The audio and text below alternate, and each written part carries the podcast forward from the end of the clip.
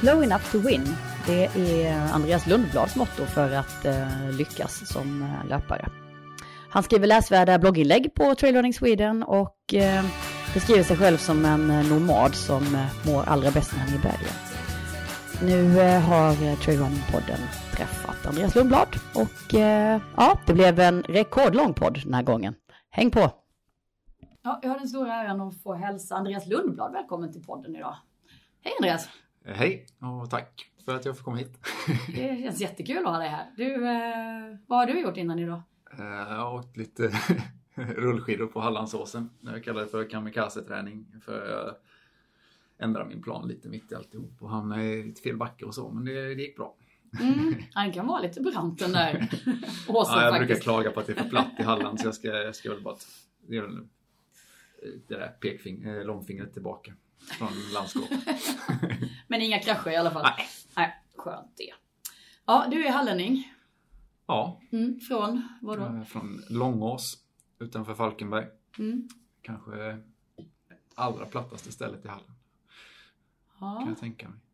Om vi räknar bort slätten här i Laholm kanske? Ja, jag inte. Nej, jag vet inte. Jag bara, om man nu ska mm. spinna vidare på att det är platt. Du gillar inte platt, låter det som. Nej, nej alltså. Det kan väl vara fint men det, Ja, det, det, jag mår bättre när det inte är så platt. Mm. Eh. hur mår bättre, hur då?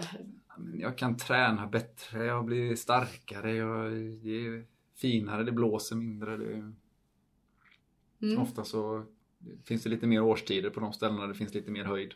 Mm. För jag, ja, både sommar och vinter är rätt så trevligt men i Halland det är väl kanske inte så mycket av det. Det är liksom vår, sommar, höst. Så. Mm. Och det ska inte klanka ner på det vackra landskap jag kommer ifrån men det, det är inte riktigt, det känns inte som att det är här jag är ifrån. det känns som att jag hör, hör hemma någon annanstans. Ja, eh, och var är det då? Ja, det vet jag inte. Nej. Eh, I husbilen brukar jag säga just nu. Mm. För då kan jag ju vara där det är som bäst för stunden. Ja.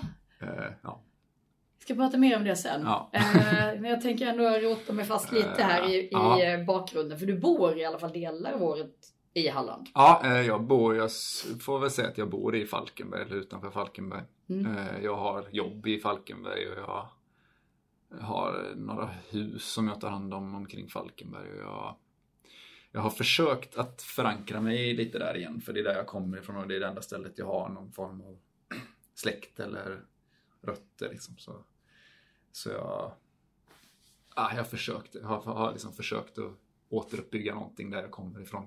Men ja, vi får se om, om det håller det länge. Eh, så jag, nej, men när jag är här när jag inte antingen inte orkar eller inte har råd eller inte, inte kan leva det liv jag egentligen kanske vill helst av allt. Mm. Och det är ett liv på resande fot? Ja, kanske inte egentligen på resande fot men det har blivit så för att det eh, ja, för att det var det gick att sova i bilen och sen blev det att jag fortsatte göra det och då sover man i bilen så kan man flytta den rätt mycket. Liksom. och då, ah, det, jag kan inte, det är kanske inte riktigt det där resandet för att jag kan också tycka det är väldigt slöseri med liv att köra bil. Mm, och mm. med planeten och allt vad det är. Det är mm. inte så kul det heller. Nej, eh, men, eh, men det har blivit så att jag trivs bäst när jag, jag bor i husbilen men den skulle egentligen kunna varit parkerad någonstans. I, kanske i, just nu är det Pyrenéerna som jag känner mig mest stimulerad i. Mm. Och omkring där, Katalonien framförallt hittills. Men jag sökt mig längre västerut som nu sista vintern. kanske kommer göra det igen denna vintern. Kommer iväg.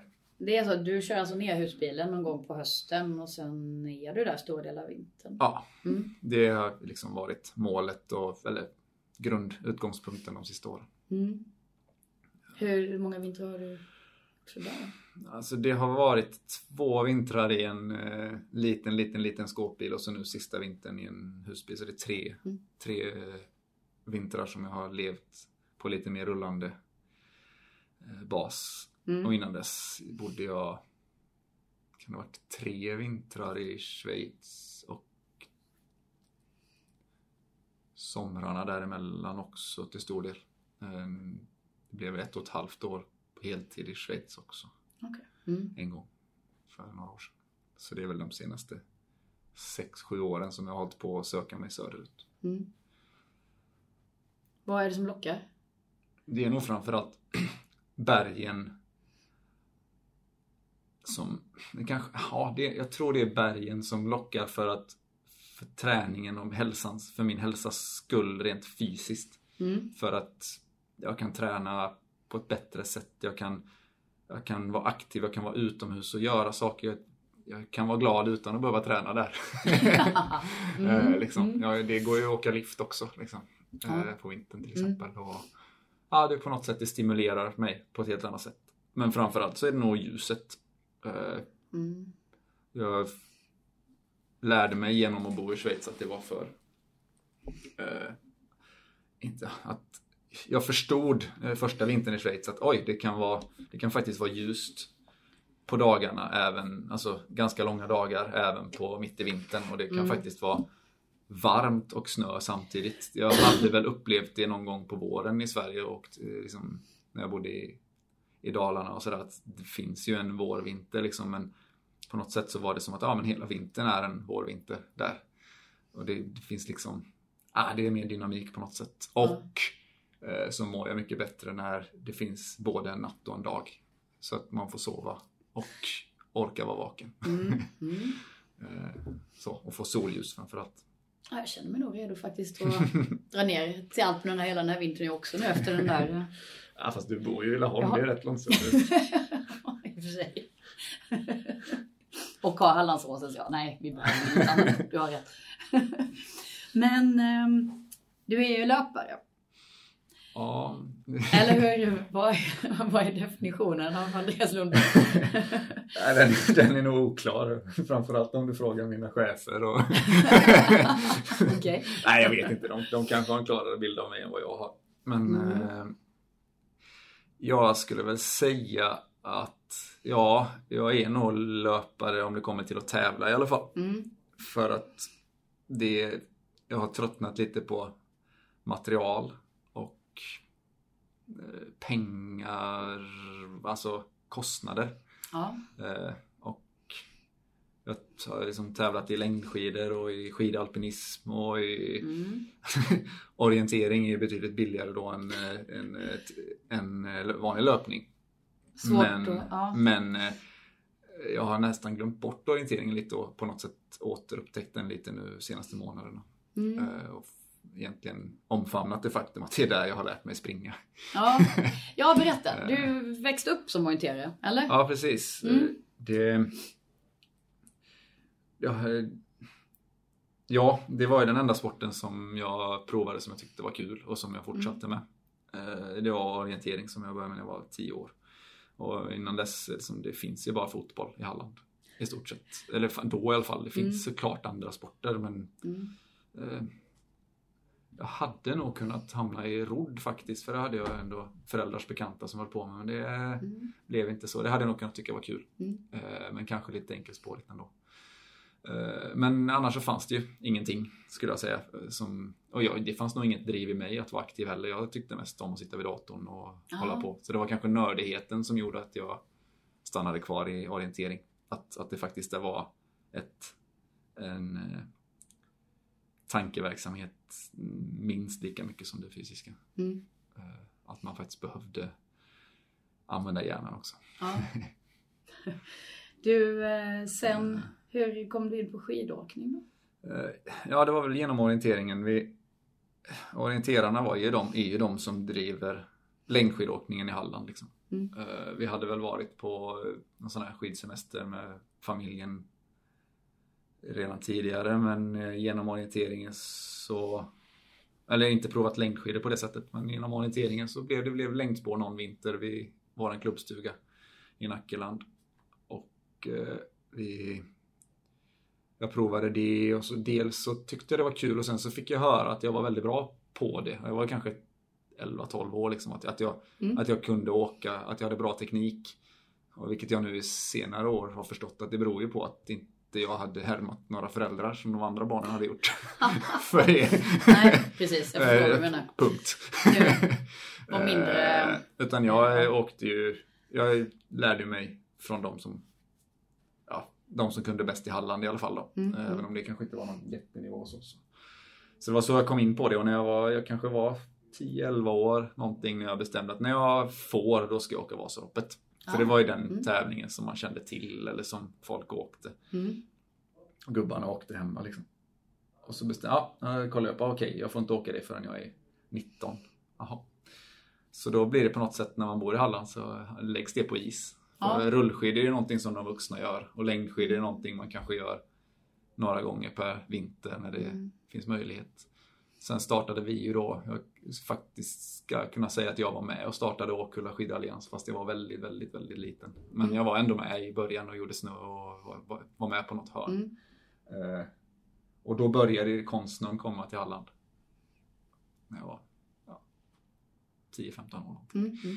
Mm. Och det blev väl inte så mycket mer, men det fanns ändå någon slags, någonting att åka till för att åka längdskidor. Ja. Så det fanns med hela tiden och eh, när vi var på skidsemestrar så blev det mindre och mindre liftskidåkning. Och mer och mer längdskidor för mig som, som jag tyckte var roligt redan när jag gick. Jag kommer ihåg när jag började högstadiet så hade jag redan, alltså 12-13 år, så hade jag redan börjat tycka att längdskidor var roligare än Vad. Liksom. eh, tror du liksom kollisionsaspekten i det här som, som lockade? Jag vet faktiskt inte vad det... Det kan ju också varit att vi var i Kläppen. Mm. Eh, som kanske inte är den mest... Vi var där varje år. Vi hade ingen ekonomi att åka någonstans. Men vi hade tur att min pappas chef eh, ägde en stuga som vi kunde låna väldigt billigt. Och, sådär. Mm. Så, och den råkade ligga i Kläppen. Och Mm.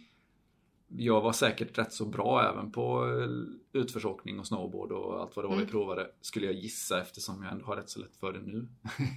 Men så att då blir det väl att man tröttnar väl på de här backarna. Det är nog det där att ja men nu kan jag detta. Lite för mycket upp och ner Ja. i samma... Ja. Och då blir det väl kanske, det fanns väl inte jättemycket längdskidåkning i, i Kläppen men det var inte, ja, jag vet faktiskt inte hur mycket det var kondition. Det Kan, eller om det bara var det här att någon, någon sa till mig att jag var bra på det och att det Mm. räckte liksom. Mm. Mm. Eh, och sen blev det, men det blev ju inte att jag riktigt åkte längdskidor. Det var då det där året som jag skulle fylla 19.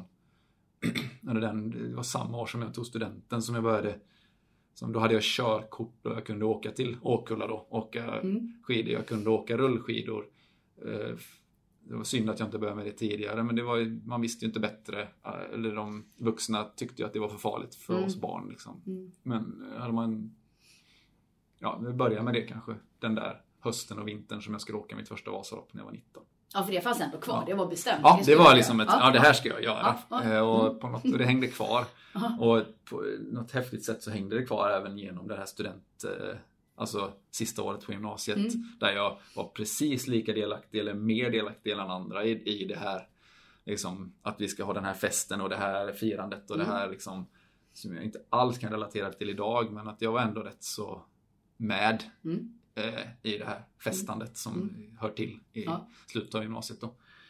Eh, Men ändå höll jag i den där träningen. Jag kommer ihåg att jag var, träningen, att jag var med på någon träning med min klubb Okonacke samma kväll som jag skulle ha här förfest till en studentskiva Ja. av något slag. Träna Och mina kompisar hade redan kommit hem till mina föräldrars hus när jag kom hem från träning.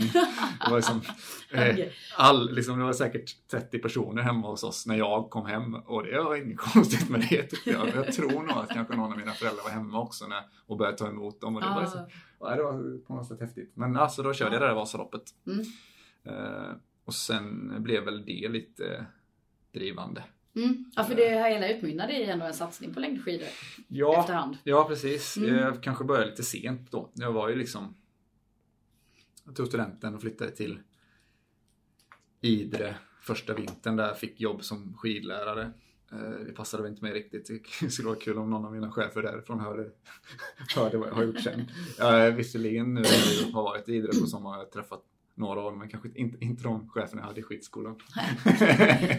jag, var in, nej, jag, var inte, jag var inte bra på att vara dagisfröken helt enkelt. Nej. Det var inte alls min grej. Oavsett om jag är bra med barn och sådär, det kan många intyga att jag är. Men eh, dagisfröken på skidor, det var inte riktigt det jag hade kommit dit för. För jag förstod ju att, eller jag ville verkligen, jag förstod att jag är bra på att åka skidor, snowboard och, eller skid, utförsskidor hade jag aldrig ens åkt. Jag har inte åkt på sju år men jag Nej. fick jobb som lärare i det. Ja. Eh, nej, så att jag, jag ville lära folk åka skidor, Ja. eh, längdskidor och snowboard då var ju min tanke. Mm, mm. Men det blev ju att man fick valla barn i, i, i Askeland och i Mm. Askeklubben och allt vad det hette då. I. Idre. Ja, det. Så det var två vintrar där. Så första vintern som skidlärare och sen så eftersom jag gjorde då ett halvdåligt jobb så blev jag väl nästan jag fick någon varning om att jag skulle kanske bli flyttad till att jag skulle få byta. Jag- Det var inte så att jag inte skulle få komma tillbaka till Idre men Nej. att du kanske ska jobba med något annat nästa år. Liksom. Och eh, det var rätt skönt på något sätt för att det det var ändå inte det jag ville. Nej. Jag tog nog inte ens illa upp. Jag tror det var lite jobbigt för mig men jag hade haft ett extrajobb på ICA hela den första vintern där. Men du drog dit för att satsa på längdskidor egentligen? Alltså komma Ja, ja det, snön. var liksom, det, det var eh, min tanke. Att ja. nu ska jag åka längdskidor. Ja. Eh, Och det gjorde jag trots... Mm. Och där var jag desto mindre med i festandet. Eh, Ja. Och där var jag ännu mer eh, festande än vad det är i, alltså på en sån säsongs... Ja, ja. Mm. Än vad det är i liksom, slutet på gymnasiet. Hur kom Mm. mm. traillöpningen in i bilden då? Eh, Det har ju egentligen alltid funnits på något sätt för att jag tycker inte om ordet egentligen. För, för mig är det ju bara vanlig löpning. det, är, det är den sortens löpning vi alltid har tränat. Det är som ja, springa. Mm. Springa, alltså vem vill springa på asfalt? Eh, Det har alltid undrat. Mm. Så, även om jag själv har haft några perioder där jag faktiskt har tyckt det var kul att tävla på asfalt och träna snabbt på asfalt. Mm. Så, så har jag aldrig förstått tjusningen med att springa runt på asfalten när man inte tävlar och tränar. Tävlar och Mm. så. Eh, men eh, den löpningen har ju alltid funnits då genom att orientering är ju löpning. Mm. Och sen eh, Sen kom eh, längdskidorna in då att först så tränade jag efter eget huvud och det var ju inte så jävla bra. Eh, andra, jag ville komma till det, jag har en tendens att dra långa haranger men, men jag ville komma till att andra vintern i idrott så fick jag, ha- så hade, började jag att bara jobba på ICA. Där jag hade haft Ja, extra Ja. jobb året Mm. innan. Mm. Och då jobbade jag bara delade pass, bara kvällar, tidiga morgnar. Eh, typ halvtid vill jag minnas. Mm. Och resten av tiden tränade jag. Men jag visste ju inget om träning så jag körde ju stenhårt. eh, I, jag körde gubbpass liksom, stenhårt i två, tre timmar och så körde jag gym och så körde jag, vissa dagar kunde jag köra löpintervaller eh, före frukost. Så gick jag hem och åt frukost och körde upp till fjället och åkte längdskidor och sen gick jag in i gymmet och styrketränade. Mm. Eller om jag kanske, ja, ungefär så. Mm. Och jag gjorde det varje dag. Mm. Och så till slut så, alltså jag utvecklades ju jättemycket. Ja, ja. Men kanske lite på, jag tror ändå att jag höll mig in eh, på något sätt. Jag var så pass ung så att jag inte gick sönder Nej. Mm. ordentligt. Men jag bröt ett Mm. nyckelben veckan efter Vasaloppet den vintern.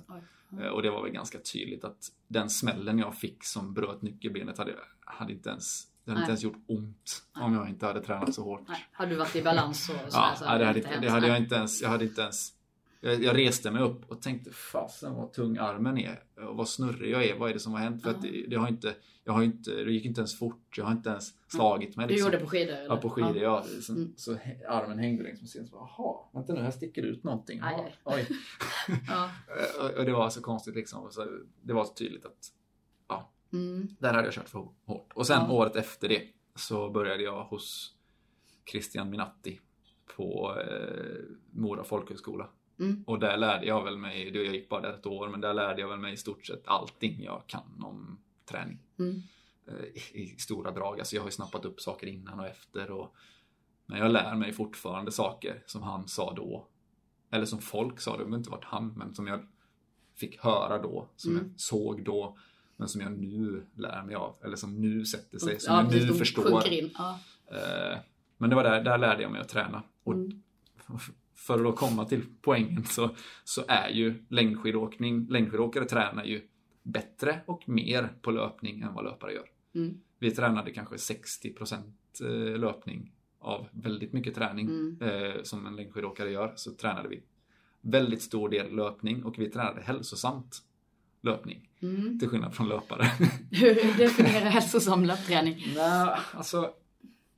Det var ju, Jag ska inte säga att långsamt och eh, mängd är, alltså det här riktigt, riktigt långsamma är hälsosamt kanske för muskler och leder så för att det kan vara påfrestande på ett annat sätt. Men vi sprang, antingen sprang vi fort och då var det intervaller eller tävling. Mm. Eller så, så tog vi det sjukt lugnt. Alltså det var Mm.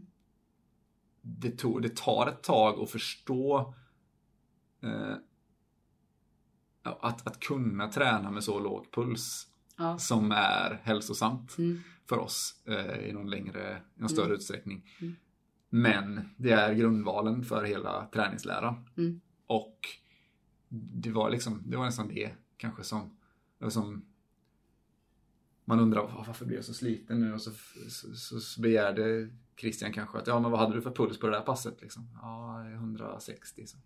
Ja, det är 20 slag för högt. Liksom. Eh, eller 10 slag för Mm. högt. Eller så här, varför betalar du 200 för något som kostar 100? Det var liksom en av hans Ja, standardfraser. Varför ska du betala så mycket för något som kostar så mycket mindre? Liksom. Mm. Och till slut så lär man sig att röra sig hyfsat fort och effektivt även i lägre pulser. Då blir det lite roligare att träna. Men vad skulle jag säga? Jag skulle återkomma till att vi, trä, vi tränade väldigt mycket löpning Ja. men inte på ett sätt som man blir skadad av.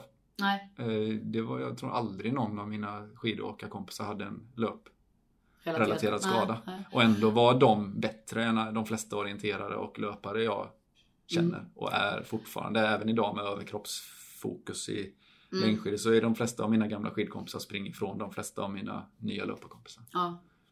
Eh, sen är det väl det också kan jag tänka mig att ni tränade väl på mjuka underlag? Ja. Myr, skog, Ja, eh, stigar. Absolut. Mm. Det, ja, det hände väl att vi var på en löparbana eller intervaller på asfalt, Ja. men det var nog sällan alltså. Nej, Sprang om vi intervaller så var det ju... så var det väl Ja.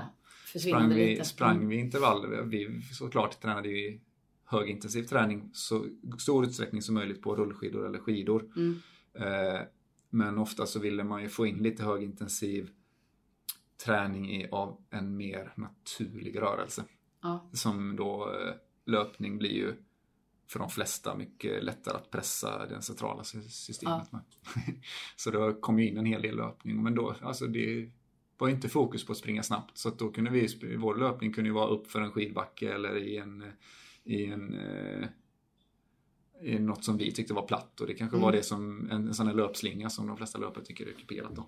Ja. Eh, Men där sprang vi våra intervaller och det var där vi sprang fort. Mm. Och sen så, alltså, när jag tränade längdskidor så jag utvecklades, så kanske inte så mycket som längdskidåkare, men jag utvecklades sjukt mycket som eh, löpare. Mm. Och det var ju det som till slut blev, liksom, det blev väldigt tydligt att framförallt på vintern, jag tränade löpning en gång i månaden, Mm. varannan månad kanske, det var faktiskt då jag på sådana pass som jag började träffa David. eh, Ja. eh, lite så för att han var ju med i orienterings... Eh, eh, David på Trail Running Sweden då. Ja. eh, och din sambo. ja, precis. Men... Eh, Och då, nu befinner vi oss eh, i Falun. Fa- I? Falun, ja. Mm. Där jag sen hamnade efter Mora och sådär. Mm.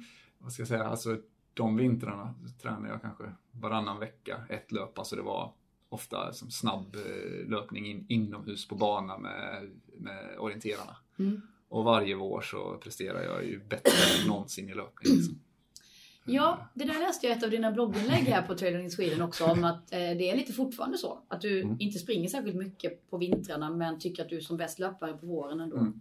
Alltså i år har jag gjort mitt överlägset, bäst- mina överlägset bästa resultat eh, på väg hem från Pyrenéerna. eh, Ja. Av en slump liksom. Lopp som jag inte Framförallt det absolut bästa prestationen var att vara på ett lopp som jag inte visste fanns förrän dagen in, eh, kvällen innan. Eh, eh, Och då var jag ju på väg hem från bergen och hade väl försökt hålla igång löpningen men ja, något ett, två pass i veckan liksom under vintern. Vad tror du är anledningen? Eh, dels så mår jag bättre av att vara i bergen och alltså som jag sa, Mm. alltså jag, trä, jag tränar bättre. Jag eh, Mm. eh, är på höjd. Nu Mm. finns det diskussioner om det faktiskt gör någon skillnad. Men det uppenbarligen gör det för mig. Mm. Eh, att eh, höjdmetrar. Jag, rör- mig mycket upp och ner för backar. Mm. Eh, långsamt men mycket. Mm. Och Jag, jag belastar inte löpningen varken fysiskt Nej. eller mentalt. Alltså det blir inte tråkigt Mm. att springa för att det blir så sällan. Och, det, Mm. och löpmusklerna är alltid ut, utvilade. Alltid, alltid, Mm. alltid. Det, är väl några muskler som används i skidåkningen också men det just löprörelsen är alltid utvilad. Liksom.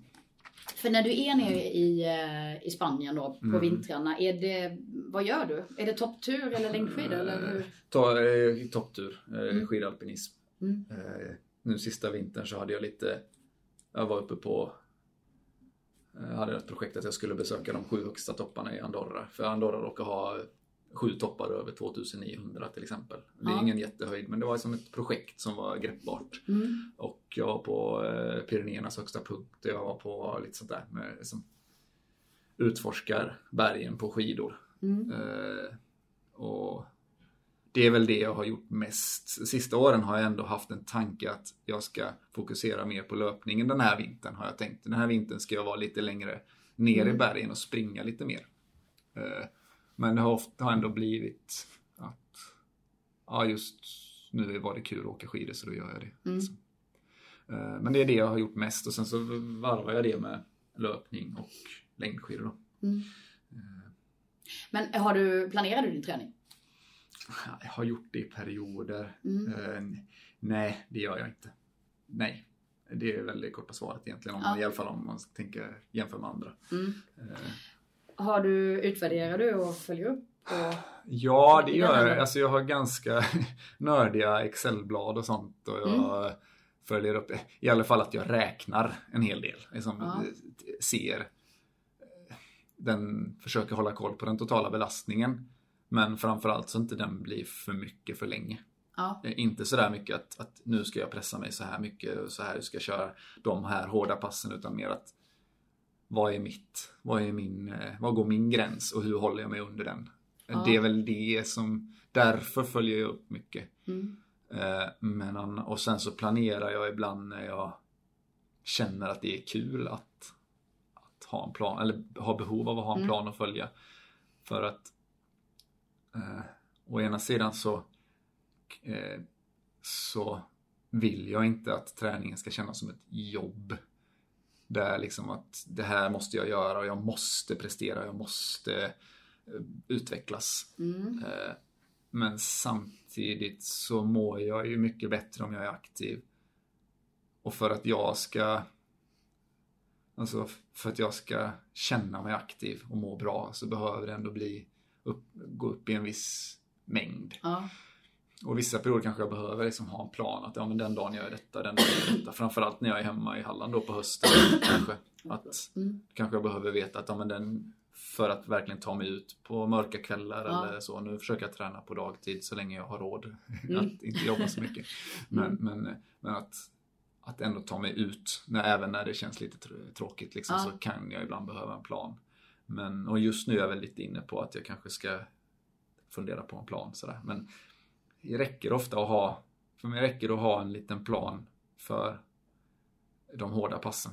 Ja. Som jag ändå har varit lite dåligt med det i år, men eh, att jag försöker få till ett eller två pass i veckan där jag ändå pressar mig lite grann. Mm. Även om hela min filosofi går ut på att inte pressa sig överhuvudtaget. Nej, jag tänkte, just, jag tänkte just fråga faktiskt hur du, ehm, för du tränar inte jättemycket mängd om jag förstår det rätt. Men jag tänkte just Alltså, fråga hur du mäter din träning. Det blir du- ju ändå mycket mängd i så. Eh, Ja, till, I slutändan för att jag tycker Ja. det är så kul att vara ute liksom. ja, okej. Eh, Mm. Men jag mäter ju på skidåkarvis i timmar eh, då.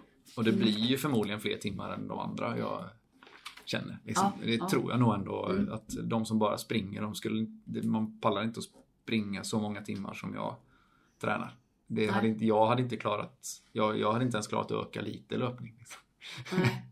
Men, eh, så att, men jag räknar i timmar men jag har även utforskat lite andra för jag tycker att timmar också är lite missvisande. Kilometerlöpning är kanske den dummaste enhet man kan mäta sin träning i.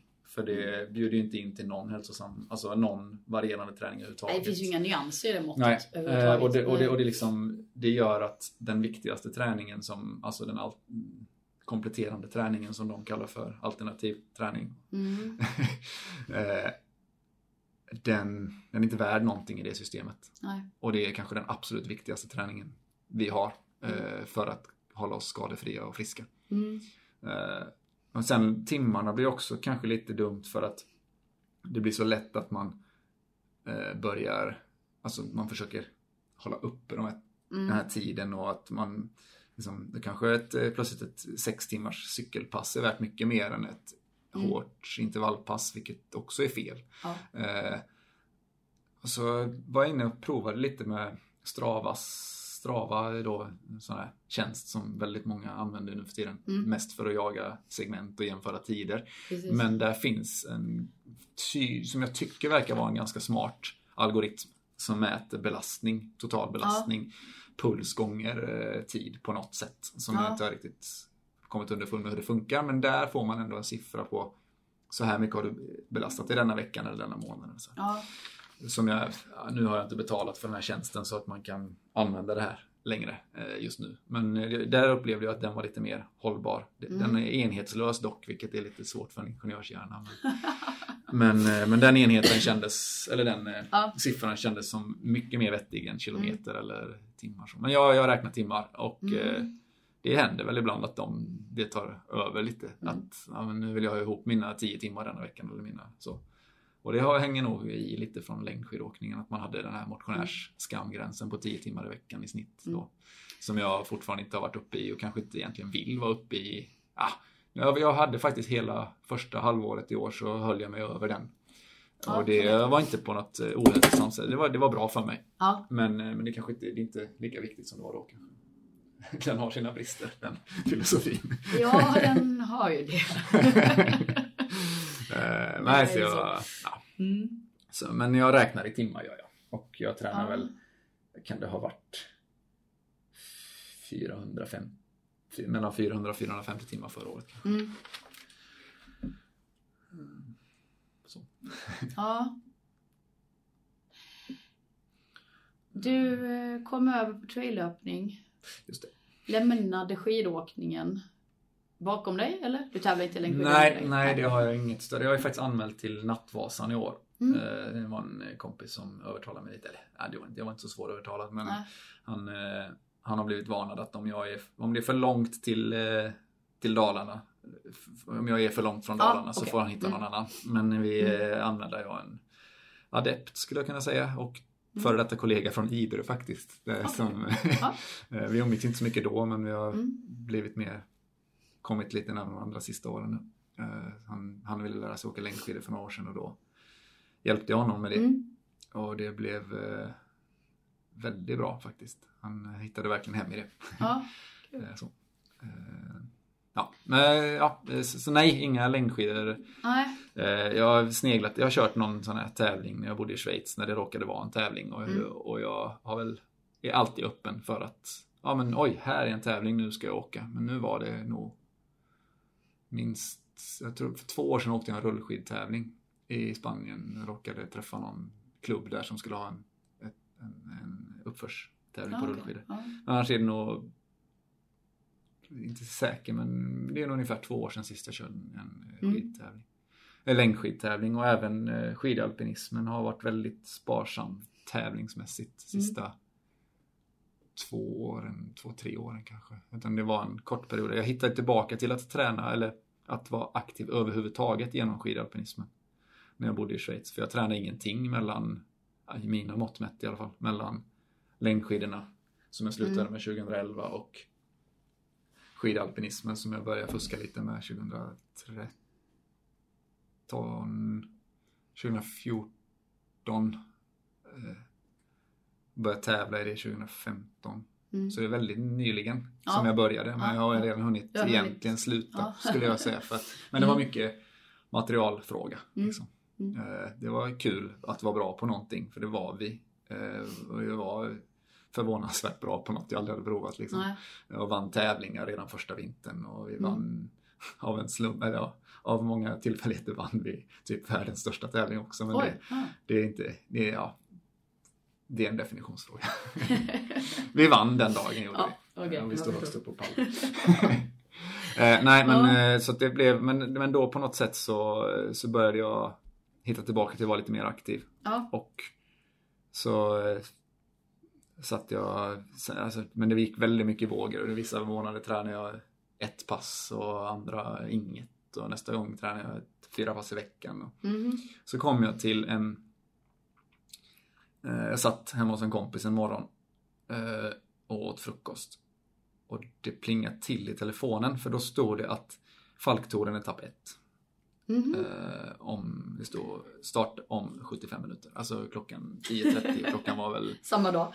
Ja, klockan var nog... Ja, skits. Det, var, det var 75 minuter kvar till start. Det hade Mm. varit jättelätt att räkna ut det. Kvart över nio var väl klockan då. Och jag sa till min kompis där att eh, du, eh, kan du skjutsa hem mig? Jag behöver hämta kläder. Jag ska springa ett lopp. Han bor då tre kilometer från där den här tävlingen skulle vara. Den Ja, ja. första etappen av Falktouren 2015. Mm. Eh, det var 4 oktober. Och då sa jag, kan du skjutsa hem mig? Det är liksom Falktouren, tävlingen låg egentligen mellan hans eh, hus och mitt hus. Så egentligen så, så han sa, ja, du kan väl springa i de där kläderna, sa han. Han, han har lite den attityden till det mesta. Liksom. Han är väldigt eh, bra på många sätt, men han har inte riktigt Mm. eh, eh, samma. eh, Jag kände liksom att nej, jag vill i alla fall ha träningskläder på mig. Jag tänker inte springa i jeans och skjorta. Liksom. Eh, eller vad jag nu hade på mig. Ja. Skjorta har jag inte ofta. Men det, ja. Så han fick skjutsa hem mig. Han sa, ja, men du får i alla fall dricka upp kaffet och äta upp frukosten först. Så det tog kanske en halvtimme till innan vi kom iväg. Och han skjutsade hem mig och bytte om och körde, ringde till Johan då som är tävlingsledare. Som jag var lite bekant med då, men inte riktigt. Jag hade träffat honom några gånger liksom. Eh, frågade om, jag sa jag kommer inte hinna tills ni stänger, för de skulle officiellt stänga efter anmälan klockan 10 och jag kommer inte hinna dit. Eh, är det okej ändå liksom? Kan du lägga under en nummerlapp till mig? Ja visst, det är Mm. inga problem, kom du så. Var väl där 10, kvart över 10 någonting. Så, Mm. eh, så startade jag i det här Falktouren, första etappen där. Eh, och hade ju ingen som helst uppfattning då vad, hur fort jag skulle springa. Nej. Eh, 10 kilometer Eh? Ja, 10 Mm. kilometer. Ja, då, på den tiden var ju alla etapperna omkring 10. Det var 10 Mm. kilometer och sprang alldeles för fort på det här första varvet på den här varvbanan. Mm. Och, och eh, mm, men kom ändå, jag tror jag kom åtta eller något på den etappen. 10 kanske. Jag var, och så, så, det säger ju inte så mycket men så såg jag att jag var ju bara ja, 7-8 minuter efter Marcus Millegård som vann. Mm. Och jag vet ju att han kan ju konkurrera, eller då i alla fall kunde konkurrera med de bästa i världen i den här sporten. Mm. var jag helt övertygad om. Så, ja, men då, alltså, då har jag inte tappat så mycket på att vara inaktiv i, i flera år. Liksom. Ja, då kanske ändå finns någonting. Men, men det här med att trä, träna regelbundet, det funkar uppenbarligen inte. Och så sa jag det till Johan där då som är tävlingsledare. Att, eh, ja, nej, ja, jag får väl komma på nästa etapp. Men det hade varit kul att komma igång och träna lite också. Jag tror inte det eh, tror, det funkar liksom inte. Det blir ingenting. Det blir Nej. aldrig någon kontinuitet i min träning. Liksom. Ja, men kom i alla fall och spring våra intervaller på onsdagar. Och så började jag med det. Så vips så hade jag börjat träna intervaller en gång i veckan. Springa intervaller en gång i veckan. och Springa Mm. lopp en gång i veckan. Ja. Eh, nej, en gång var tredje vecka var loppen. Mm. Eh, och då, och där började jag på något sätt att från och med då så har jag tränat kontinuerligt Ja. sen eh, oktober 2015. Och, det, och då, har ju, då blev ju eh, löpningen Det var Falktouren som Ja. gjorde dig till traillöpare.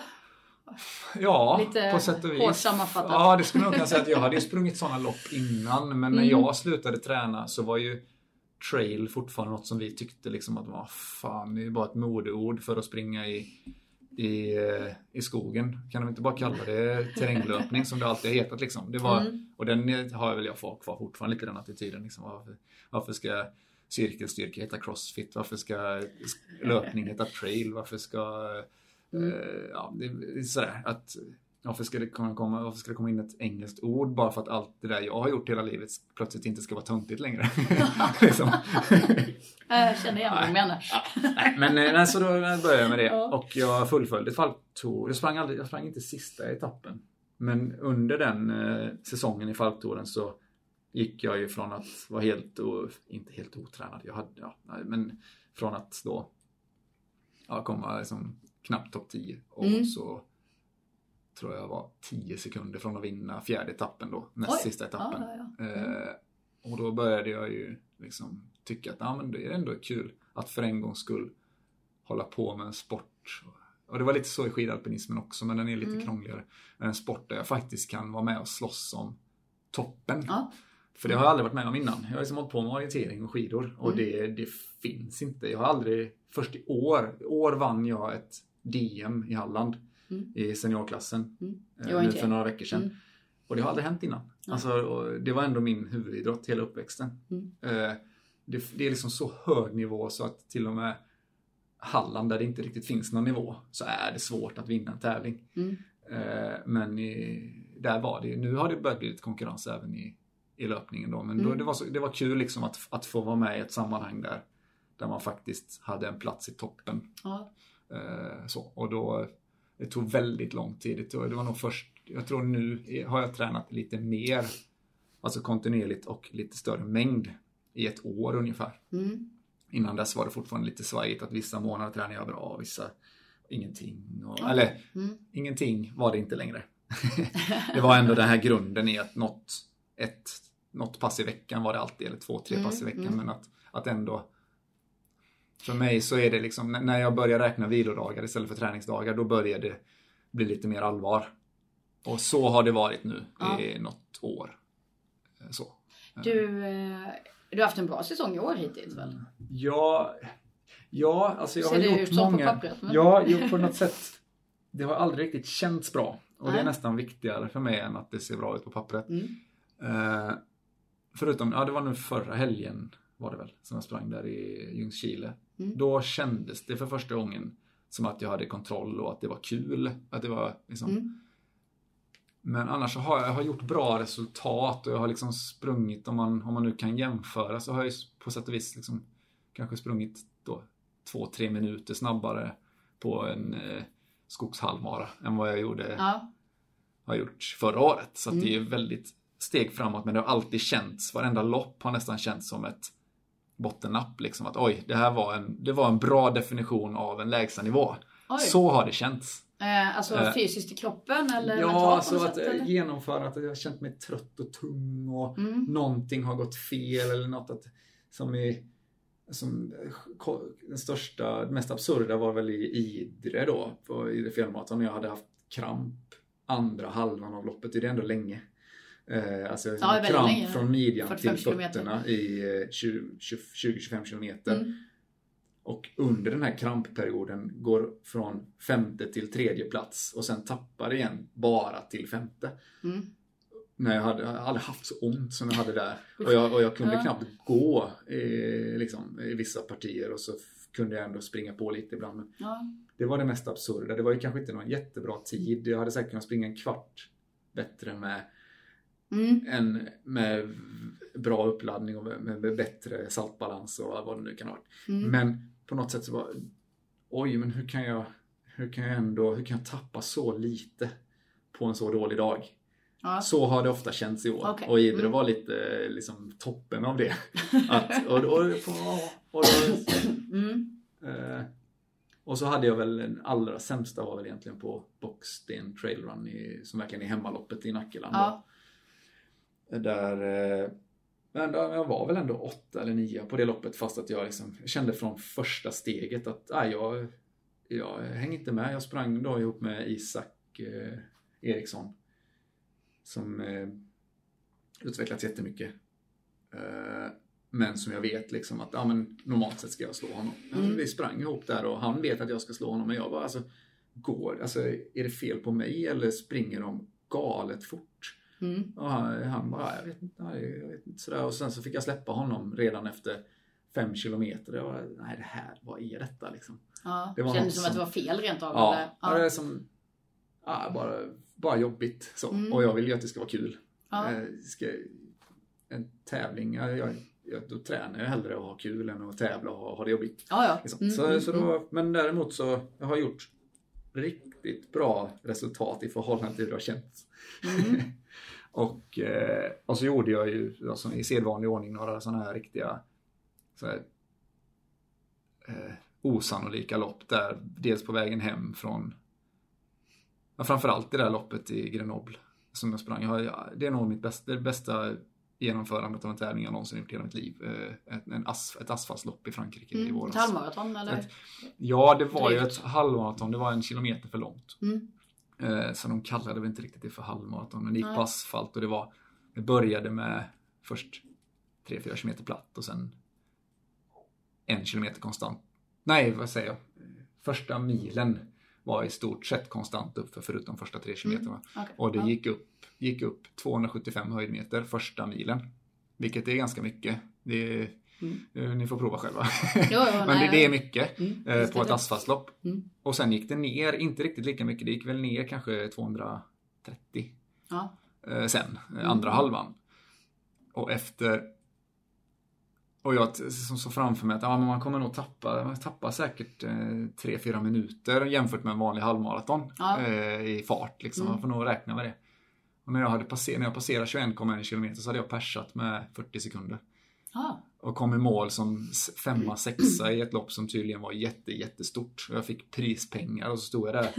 Eh, så, det såg så roligt ut på bilden från den här prisutdelningen för att jag stod där med tre, tre afrikaner och två fransmän och jag hade ju varit i, Alp i bergen så jag var ju illröd i ansiktet. Jag hade varit liksom ute och åkt eh, solig skidåkning. Ja, vi jag var liksom så här riktigt solbränd i ansiktet och eh, precis snaggat håret. Så jag brukar skoja om att, efter, att, att jag liksom hade försökt undermedvetet försökt smälta in bland de här afrikanerna då ja, som ja Eh, man, får inte, man får inte skämta om hudfärg, men nu skämtar jag om min hudfärg, mm. inte om deras. Nej, precis. eh, så. Mm. Eh, det, det såg, såg, lite lustigt ut. Men, men det var ja. så här helt, det var det där loppet som jag kände inte till det dagen innan. Nej. Eh, eh, men så att jag har ju gjort bra mm. säsong, men, men det har känts ja. dåligt. Ja. Stor del av. Är det nyckel att du kan överraska dig själv genom att ställa upp ett lopp du inte har planerat och förberett dig för? Ja, det är så? Det är mm. de, alla, alla lopp som jag har vunnit har jag i stort sett snubblat över kvällen ja. innan eller fått en startplats eh, hit eller dit och eh, till och med som nu vann ju Falktouren nu förra vintern. Det hade varit liksom mm. en liten eh, vision, eller mål ett tag att jag ska ja. försöka vinna hela den här touren nu någon gång.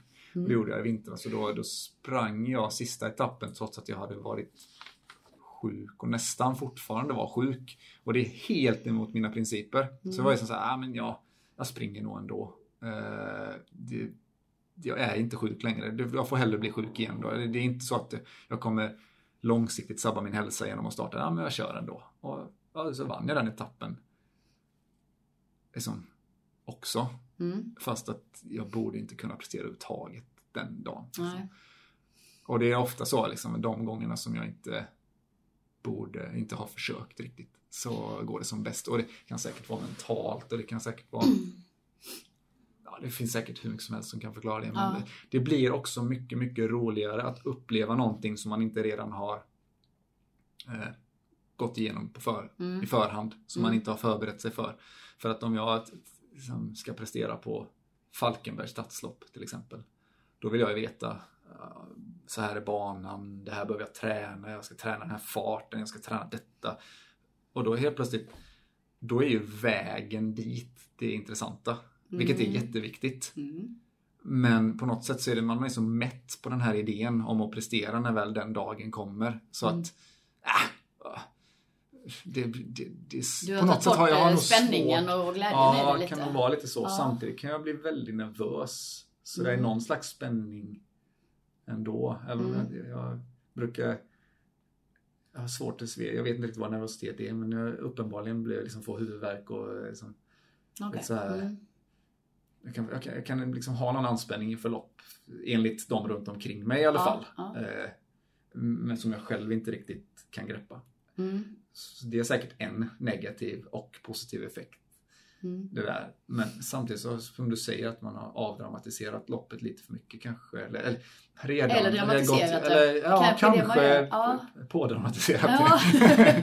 jag vet inte vad det är men på något Nej. sätt så, så, så har jag, men det har jag gjort länge nu, omfamnat det här att inte jaga varken formen eller tävlingstillfället. Utan Nej. jag vet ju att det kommer.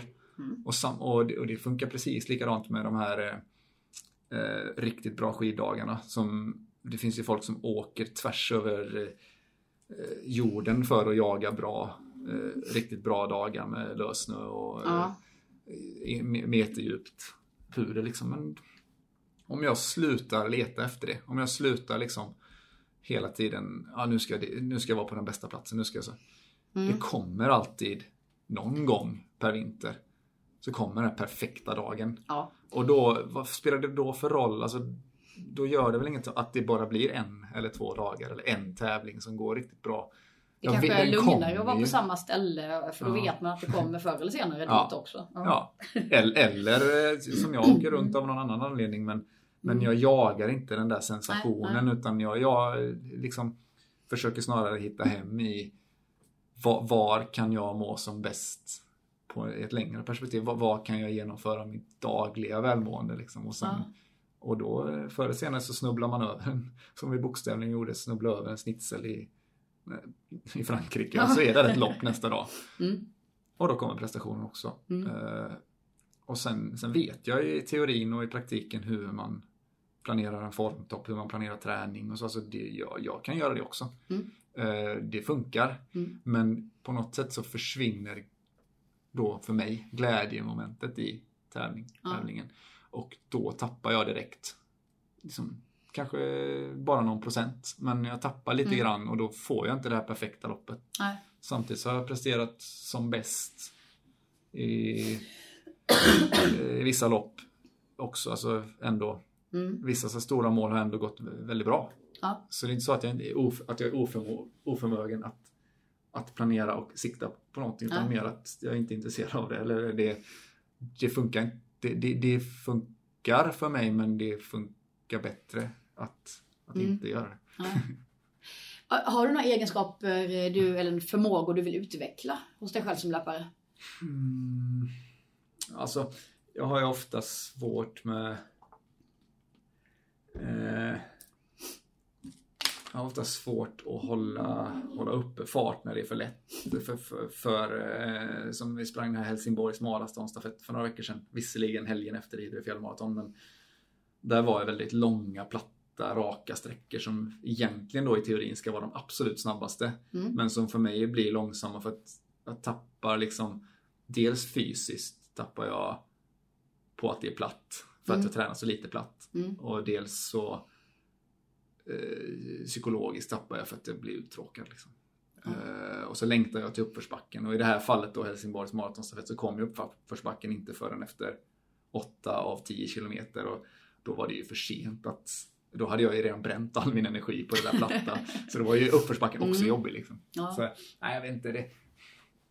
Jag tänker nog inte så mycket just nu i hur jag ska utvecklas utan mer hur ska jag... Jag har tänkt ganska länge nu hur jag, ska, hur jag stabiliserar det jag har. Ja. Mm. Och det blir ju mer och mer stabilt. Jag kan inte säga något sånt speciellt. Men det är klart att den där fartuthålligheten vet jag, någon har frågat mig att hur eh, får man tillbaka sin fartuthållighet uthållighet efter sjukdom? Mm. Frågar någon mig och jag säger fråga inte mig, jag, jag, jag har aldrig haft någon fartuthållighet. Uthållighet har jag och har jag haft och fart har jag haft. Eh, Jag har varit väldigt snabb på att springa när jag Ja. tränar längdskidor och jag vet att jag orkar länge nu Mm. men däremellan kan det nog vara ett litet glapp att, Mm. att orka springa på lite snabbare lite längre. Ja. Eh, Men samtidigt så funkar det väldigt bra att hålla igen. ja, det här med att hålla igen. Mm. Du har ju utvecklat konceptet slow enough to win. Ja, Tillräckligt långsam för att vinna. ja. Vad går det ut på? Eh, Det, alltså det är egentligen samma sak som negativ split som, Mm. eh, en, eh, som löpare brukar prata om. Mm. Att, att, att, att förstå egentligen hur, hur sakta det den farten som kanske är ens snittfart som man klarar av att hålla i snitt på ett lopp. Mm. Hur sakta det känns i början Mm. och hur otroligt svårt det är att hålla uppe den farten på slutet. Mm. Eh, och att då att förstå det redan före start. Det är väl liksom Att, att, att Ja. hålla kvar i den här farten som, som man faktiskt klarar av att hålla och inte springa snabbare. Mm. För slow enough to win är inte sakta. Igen, det är inte, egentligen nej, inte nej. långsamt utan Nej. det är ju optimal fart. Ja. Och i bästa av världar öka lite på slutet. Mm. Eh, Det är ganska sällan som man lyckas med det för att man blir trött ändå. Ja. Men, Det handlar mest om att inte gå över gränsen Ja. i början. Ja. Ehm, Eh, precis. Mm, mm. Och att inte gå över gränsen överhuvudtaget. Eh, för att, jag menar, går man över gränsen har man misslyckats. I Ja. mina ögon. ja, om Eh, du inte gör det när det är fem meter kvar av loppet eller något. Ja, men då har man inte gått över gränsen. Då har man ju varit på gränsen. Ja. Eh, tycker jag. Men eh, så att det började, eh, det var faktiskt bara, det var nog faktiskt, jag hade nog inte ens hunnit springa två etapper av Falktouren den där första hösten. När jag råkade få en startplats till något kortare lopp i Kullaman-helgen. Mm. Och, och eh, jag, fick, jag fick starta i andra startgrupp och det inget ont av det liksom. Jag hade damnummerlapp, alltså jag fick en nummerlapp av en tjej så jag fick liksom ändå bytt till mig för de byter egentligen inte namn så sent. Men. Nej, okej. Mm. Nej men du kan väl få i alla fall så du kanske inte ska springa in i damklassen då liksom. Så sa nej men jag, jag jag är, inte, jag är inte så stark löpare men jag är ganska säker på att jag skulle vunnit damklassen och det blir lite konstigt med skägg och, och sådär. Eh, så det är bra om jag kan få springa i herrklassen i alla fall. Och då så sprang jag där och då blev det, jag sprang själv för jag var ju snabbast i den här andra startgruppen då. Mm. Som jag hamnade i. Sprang själv där och sprang precis den farten jag klarade och hade liksom ingenting att slåss om, tänkte jag. Men mitt på banan så, så jag hade sprungit om så många från den här första startgruppen. De startade 10 minuter före. Och jag tänkte, det kan inte vara många kvar nu eh, och springa om liksom. Mm. Men, men, men idag, idag kanske jag är tillräckligt långsam för att kunna vinna, tänkte jag. Det var liksom de orden som jag sa till mig själv. Att ja. Idag går det nog. Det skulle nog kunna vara så att det här går tillräckligt långsamt för att kunna vinna. Mm. För det var någonting som jag hade tänkt då på den här falktouren, att jag måste lära mig att vara, hur, hur, hur ska jag hålla igen liksom, Ja. eh, för att orka hela vägen. Mm. Eh, Då, eh, när jag på Mm. nytt skulle lära mig att träna igen och lära Ja. mig att tävla. Då. För det måste kräva en del. Det kräver disciplin och det kräver lite mod. Ja, Jag framförallt mod skulle Mm. jag nog säga. Mm. Och på något sätt så spelar det ingen roll hur många gånger man gör det, man misslyckas ändå. Mm. Alltså att, att hur många gånger jag än eh, bevisa för mig själv att det är det enda sättet att vinna, alltså Ja, att, att ja. vara snabb på. Mm. Så, och bevisa för alla andra. Och, alltså, det, det finns ingen som tjänar på att rusa iväg starten. Om det inte är rena taktik situationer. Ja, liksom. jo, precis. Men hur som helst så alltså, sprang jag där och så kom jag i mål och konstaterade att jag hade slagit den som då redan hade utropats som segrare. hade jag slagit med en och en halv minut. Mm. Eh, och där någonstans, det var, det var där jag började använda det uttrycket Mm. tillräckligt långsamt för att kunna vinna. Men det är så mycket lättare att säga det på engelska. Jag har ju själv ondgjort mig över engelska ord innan. Men eh, eftersom det... Eh, men, men, Mm. men på något sätt så var det lättare att säga de här orden på engelska. Mm. Och sen har det ganska snabbt, så liksom varenda grej jag har lärt mig på nytt nu. Mm. Allting som kommer, allt som kommer tillbaka till mig från min tidigare eh, om man ska kalla det karriär, alltså Mm. min tidigare aktiva period. Mm. Så det som kommer tillbaka hela tiden är ju eh, Jag lär mig hela tiden om hur många situationer där det är fördelaktigt att hålla tillbaka lite. Ja. Oavsett om det är intervallträning eller långa pass eller Alltså Det är väldigt underskattat att Att ta det lugnt. Mm. Eh, på alla, i alla sammanhang. Det finns liksom, jag ser ingen, det finns inget pass längre där jag pressar mig Nej. från första, alltså det blir ju jobbigt i slutet av ett intervallpass. i Ja, det är inte det en du är tävling. pigg och fräsch när du är klar eller Nej. bara över mållinje. Nej, Nej. Eh, i bästa världar så har jag tagit ut mig fullständigt. Mm. Eh, men jag behöver inte pressa mig för att ta mig dit. Och Nej. pressar jag mig så får jag bara mycket, mycket längre återhämtning. Mm. Och då kan jag träna mycket mindre. Och jag kan... Alltså, allting blir mer optimalt Mm. om man håller igen lite, lite grann. Mm. Eh, Även på de allra hårdaste intervallerna så, så vill du ju faktiskt springa din snabbaste interv- den sista intervallen ska gå snabbast. Mm. Och då måste du hålla igen på alla de andra. Och möjligtvis då pressa dig på den sista, men ja, det gör jag ibland kanske. Mm. Och på slutet av ett lopp. Men jag har upptäckt på något sätt att det finns ingen större anledning och det, och det är mycket mer långsiktigt att inte pressa sig. Kanske går lite långsammare att nå resultat, men kurvan fortsätter uppåt. Mm. Istället för att gå spikrakt uppåt och sen falla ner på noll igen som Ja. det gör när man går från, alltså när man inte gör så. Nej. Nej, så, men i, i, i stora hela så, så blir det liksom, det, jag applicerar det på nya saker hela tiden.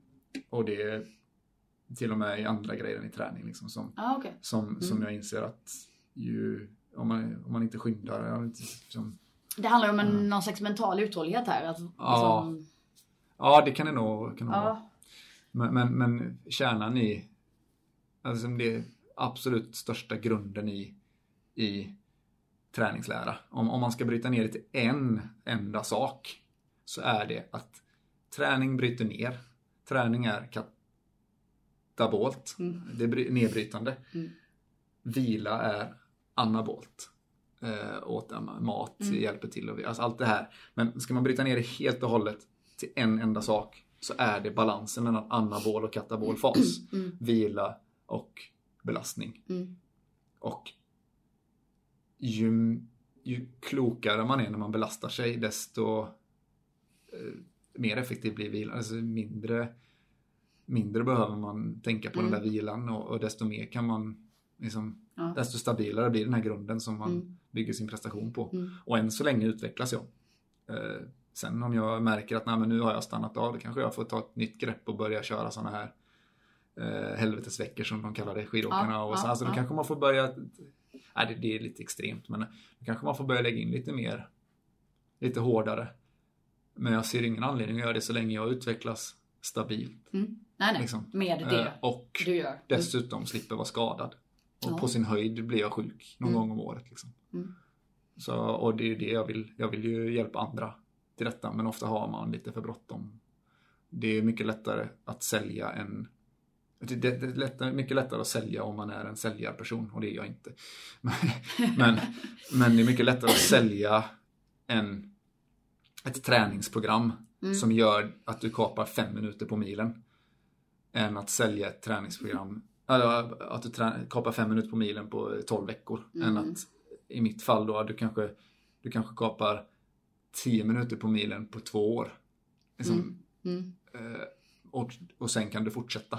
Mm. Eh, Men det är mycket lättare att sälja ett program där ja, du utvecklas fem minuter på, eller då, de här jätte, Ja. jätte, jättemycket på, på ett halvår och sen kommer du aldrig mer kunna träna hela ditt liv. Liksom. Ja. Eh, Tålamod är kanske inte vara- det som säljer bäst. Nej, Nej och därför så har jag liksom Men, mm. jag hade gärna, jobb, jag hade gärna försörjt mig på att hjälpa folk med träning. Ja. Men för, jag förstår att jag kan rätt mycket om träning. Mm. Men eh, jag kommer aldrig att eh, ägna så mycket tid åt att sälja som man måste Nej. göra för att kunna försörja sig på. Men du har en del som du hjälper.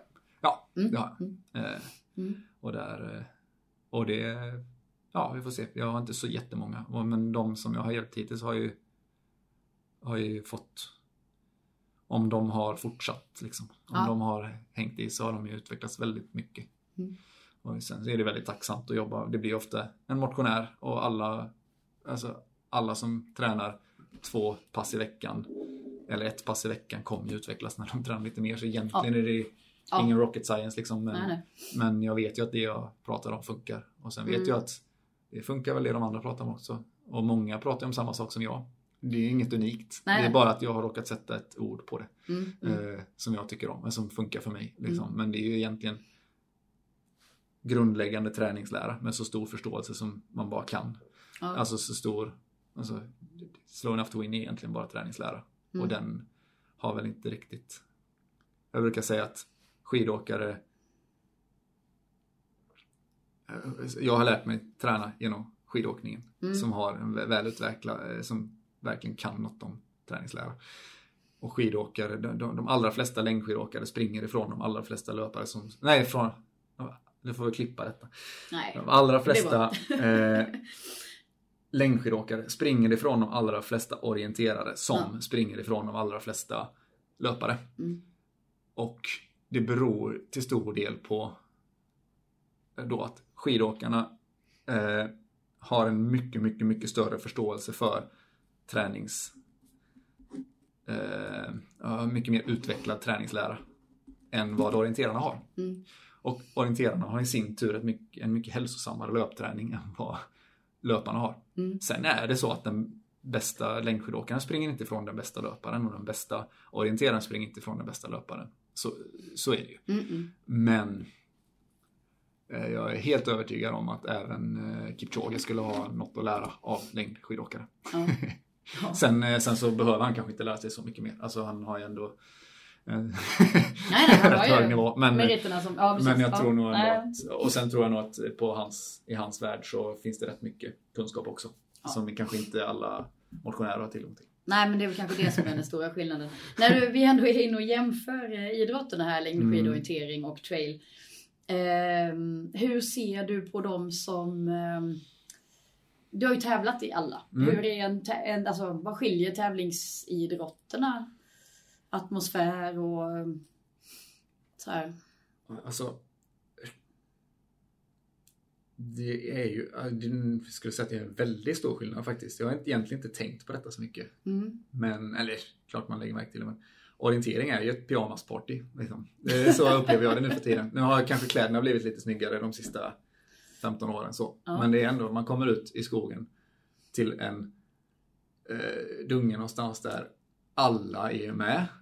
Och ingen bryr sig riktigt om resultatet eller om, om eh, så. Visst, det finns alltid någon, man vill vinna kanske. Och, men ja, det är två, tre personer klass som faktiskt kan vinna. Mm. Resten är där ändå. Mm. Liksom, eh, och det är någon slags familje, familjegrej. Och samtidigt så är då liksom, toppidrottarna är på oerhört hög nivå. Mm. Eh, det, så det är, och dessutom, det, det kostar knappt någonting att springa orientering och det är väldigt så, på något sätt, bohem. eh, så att det är på något sätt en sport som har fått bli hyfsat orörd av eh, pengar. Mm. Eh, förutom vissa större event då, som, som kanske behövs för att driva det framåt. Men på något sätt så, ja, det, så är det. Mm. det. Och sen då längdskidor som var nästa sport jag höll på lite mer med. Då är det ju kanske nästan tvärtom. Där är ju bara de som kan vinna med. Mm. Mm. Eh, och så vi då som tänkte att eh, det här är kul. Mm. Eh, några stycken liksom. Men, men om jag var, jag var kanske,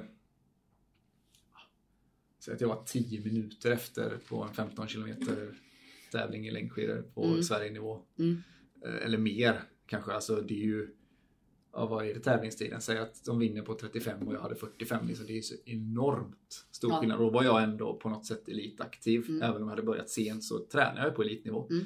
Eh, och mellan oss så finns det bara 100 pers. Och det finns bara juniorklasserna och huvudklassen. Och sen finns det lite mastersklasser som är det inte, de är inte där på den tävlingen. Och, eh, på de traditionella loppen i alla fall. Sen visst, stor skillnad på Vasaloppet och en världscup såklart. Alltså, Ja, ja. Så är det ju Mm, såklart mm. i andra sporter också. Mm. Men på något sätt så, längdskidorna var väl mer, det är som att ja, men när man är klar med sin elitkarriär eller sin satsning, då slutar man. Mm. Eh, Eller så är man en motionär från ett land, från en plats där det inte finns någon snö och så vill man mot alla odds åka Vasaloppet i 30 år i rad. Liksom. Mm. Och det är jättehäftigt det också. Så. Mm. Och sen trail kanske är någonstans mitt emellan då. Mm. Att där är faktiskt lite mer bredd. Eller väldigt mycket mer bredd. För jag skulle inte säga att det finns väl inte riktigt någon topp än så länge i Sverige i alla fall. Det märker man väldigt tydligt om man springer ett lopp utomlands. Att eh, man har, man är, ja, nej. Det, det finns några riktigt duktiga. Jag ska inte ta bort deras eh, jag säger deras för jag är inte en av dem. Eh, alltså i Sverige, det finns några stycken som kan hävda sig internationellt och det är jättehäftigt. Mm.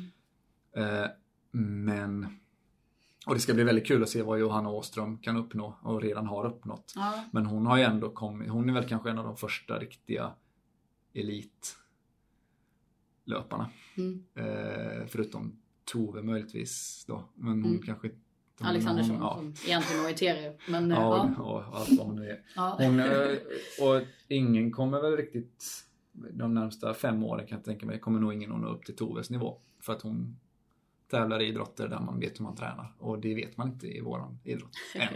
Äh, Mm, I Sverige. Mm. Det är på gång och det är jätteinspirerande med de här tjejerna som är bäst i världen ändå trots allt. Eh, Men det, toppen skulle jag säga finns inte riktigt än. Eh. I alla fall inte den breda toppen. Och så kommer det alltid något stjärnskott som provar en annan sport eller som faktiskt har hållit på och kämpa riktigt länge. Mm. Och det är jättehäftigt. Men eh, i trailen kanske det inte riktigt finns den där toppen som finns i både orientering och längdskidor. I Mm. alla fall inte på samma bredd. Det är ju en ung eh, toppen liksom. Det är en väldigt, Mm. väldigt liten topp i så fall. Ja. Eh, och även jag kan ju då oftast häv- hävda mig i topp 5, topp 10 på ett lopp fast att jag springer snitt 3 mil i veckan. Liksom. Mm, Alltså, mm. det ska egentligen inte gå. eh, Mm. ja, nu sa jag mil. Och, Jag tänkte ju säga det, nu sa ja, du mil. Men, men det var mer för att Ja, jag förstår. det är lite sådär. Eh, Men, Mm. men det är väl så då. Men Mm. trail finns istället det där mittemellan. Det kanske inte är de allra äldsta som i orienteringen att alla barn är med i jättestor utsträckning och alla de gamla också. Men Mm. det är nästan bara bredd. Mm. Eh, Mm. Och det är också häftigt. Och det är mycket glädje i, i, eh, i att få vara i skogen och springa. Ja. Och det är väl det bästa då. Mm. Ja, verkligen. Och så om man ska ta skidalpinismen också som vi kanske så så den, och den finns ju inte riktigt i Sverige heller. Tyvärr så är det förbjudet att utöva skidalpinism på svenska skidanläggningar och det vill jag ju på något sätt kanske vara med och ändra på. Eh, Jag har väl en fot med i det arbetet, men väldigt, eller en lilltå kanske med i det arbetet skulle jag säga. Mm. Men, eh, men det, är, det får man inte göra i Sverige. Faktiskt. Nej, vi pratade om det här med att gå Eh. upp eh, på skidorna med stighjul Mm. i backen då. Ja, I den pistade och det backen. måste man nästan göra för att kunna eh, utöva någon slags elitidrott. Eh, Det går inte att, att bara ge sig ut. Man måste köra vissa pass själv och ger man sig ut utanför skidbacken så ska man inte vara själv. Och det, är liksom, det blir lite Mm. motsägelsefullt. Så Mm. den finns inte riktigt i Sverige men det är, utomlands så är den väl ungefär som lite mer som trail kanske.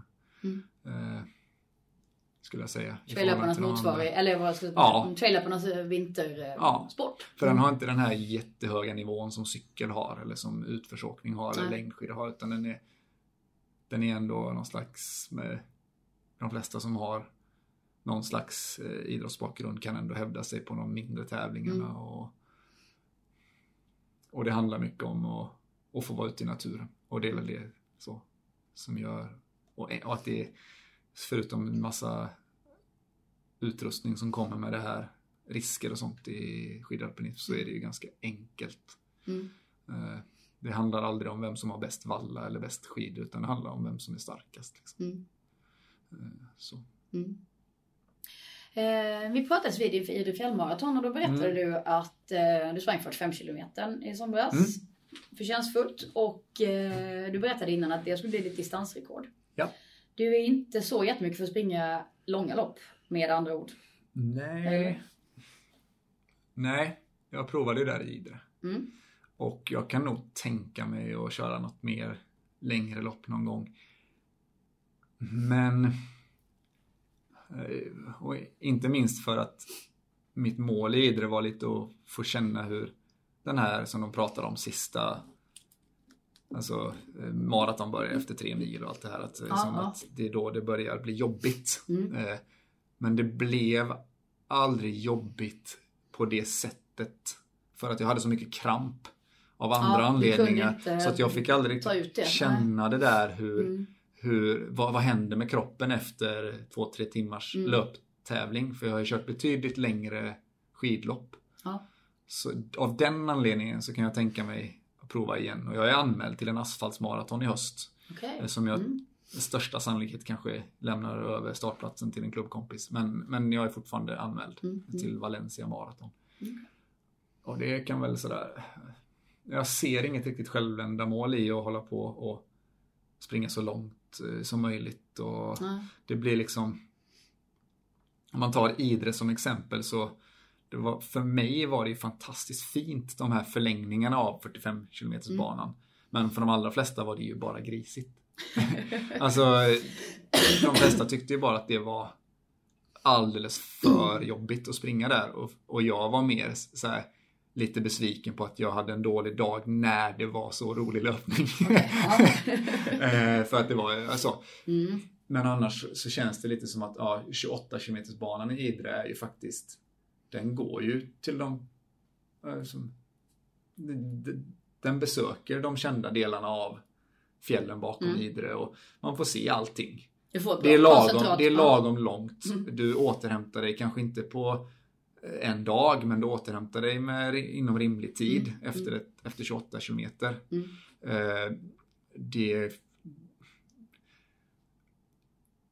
eh, jag ska inte säga att det är större skaderisk att springa längre utan det är väl mer skaderisken där ligger ju i att folk inte har tålamod till att vänta till de kan springa igen ja. efter ett sånt lopp kanske. Mm. Men, men det där, jag, jag, är inte sådär jättesugen på att springa längsta möjliga hela tiden. Det låter uh, inte som att det blir någon eh, backyard ultra för dig. Nej, nej. Uh, det har jag inte varit så nej. sugen på. Och tyvärr så är jag väl ganska inne på att inte fullfölja den här trailtouren också. Lite ja. tack vare att det är två varv på eh, Kullamannen. Mm. Ja. Hade det varit en, eh, liksom jag har lite det där, jag hade kunnat tänka mig att springa 45 kilometer om det var en bana. Det är var, det här med att springa två varv som inte så, lockar så jag mycket. Tycker, jag tycker personligen att, eller jag vet ju, jag har sprungit den här banan mm. som tävlingen går på, både på träning och tävling. Och ett varv är lite för extremt och lite för eh, sadistiskt. Alltså det är lite för... det är lite för... Eh, de har fokuserat, för mig, lite för mycket på att det ska vara så jobbigt som möjligt. Mm. Och det är inte det som är mitt mål med, alltså inte det, jag tycker inte, jag har inget behov av att säga att kolla vad tuff jag är som klarar det här jättejobbiga. Utan jag vill ju hellre förmedla att kolla vad kul det är att springa. Mm. Och där, jag tycker inte, jag ser helt enkelt inte fram emot att springa två varv på den Nej. banan. Och, eh, du ligger fyra i touren totalt nu? Ja, mm. det gör jag. Och, mm. Kommer du springa någon mer deltävling? Eh, Eller du... Jag kanske springer i Åsar, men den är mm. också lite sådär... Eh, lite... Det, det, jag sprang den förra året. Ja. Och eh, jag kände väl att, ja, nu har jag sprungit den banan. Det var ingen... Det var en, många partier som var fina och roliga, men det var ingen sensation att den var extra rolig eller... Och jag vet ju att jag ligger ju fyra på pappret men i praktiken femma. För Patrik Lindegård kommer gå förbi mig om han springer en tävling till. Okay. Mm. Eh, det vet jag. Eh, och, men i, eh, vad ska man säga, alla vi som är där, alla vi som springer mot varandra där vet att jag hör hemma på fjärdeplatsen. Jag vet det, Patrik vet det, Isak som just nu ligger före mig, han vet det. Ja. Eh, till, och med, till och med Backman skulle kunna ha koll på det. Ni har redan alltså. Eh, liksom prickat in eh, Nej men på något sätt så det, det, blir ganska uppenbart. Jag har ju kommit mm. fyra på de flesta etapperna och ja. Eh, förutom de där de andra inte var med eller där, där, liksom, där det gick dåligt och jag kom sämre. Liksom. Men det blir mm. det är ganska uppenbart att jag är fyra i det gänget. Och fyra, det, jag har inget emot att komma fyra, det har jag gjort många gånger men men jag har inget behov av att springa 45 km för att bevisa att jag är fyra i den touren. Okay. Liksom. Eh, och då ger jag hellre den fjärde platsen till vem det nu är, Isak förmodligen. Eller mm. så. Eh, Hur ser hösten ut istället då? Vad eh, händer? Jag är ju, jag jobbar i Falkenberg då. Eh, som jag väldigt tacksam för. Men jag vill ju helst vara någon annanstans. Eh, jag har väl någon som slags mål att jag ska försöka ta mig iväg eh, senast eh, i mitten av november. Att jag ska ta mig söderut. Mm. Gärna i början av november men så råkar jag vara delansvarig för sista etappen på Falktoren som är mitten på november. Så den, mm. jag jag kommer ju inte åka dagen före det loppet eh, bara för att skita i mina klubbkompisar liksom. Men är det så att ingenting annat hindrar mig att åka sista oktober så kommer jag att svika mina vänner där och uh, göra vad jag kan i förväg och låta dem arrangera loppet. Okay. det hänger också lite på om jag eh, springer de första två etapperna av Falktoren och om jag om, och hur det går. Skulle det vara så att jag Eh, skulle vinna de två första etapperna och, och bara behöver springa den sista för att vinna hela touren igen. Mm. Då, kanske, då kan jag stanna hemma av den anledningen. Men och liksom, grunden i, min, i mitt liv är inte att hålla på och vinna saker. det är inte på något sätt det inte det som är målet utan det är att uppleva dem. Mm. Och jag upplever mycket finare saker i, i bergen söderut. Så. Mm. Sen ser jag fram emot Falktouren för att det är lite Ja, varje etapp för mig har ett individuellt syfte på något sätt. Eh, i just i år i alla fall. Eh, mer än förra året så var jag väldigt inställd på att nu ska jag försöka vinna hela. Det var målet för hela hösten på något sätt. Ja. Eh, kanske lustigt att ha en sån liten tävling som största mål men det var kul att ha det. Mm. och att det gick bra. Och visa att jag faktiskt, äh, visa för mig själv att, att den här slump slumpfaktorn, eh, Mm. den är, den fungerar för mig. Men det är inte det enda. Alltså Nej, jag kan också, jag kan också kan välja att nu ska jag vinna här. Sen så kan man diskutera hur bra motstånd det är och, hur, och sådär. Men jag var ju, hade jag varit en placering sämre på sista etappen så hade jag inte vunnit totalt. Så Nej. det var ändå ganska tajt. Ja. Så, Mm. nej, men, eh, så, men i år har de varje etapp ett, ett syfte istället för att hela touren har ett syfte på något sätt. Så Ah, då får vi se. Mm. Spännande. Mm. Du, eh, stort tack. Tack själv. Jätteintressant. Lycka till med hösten och Falktouren och bergen i Spanien. Mm, tack så mycket.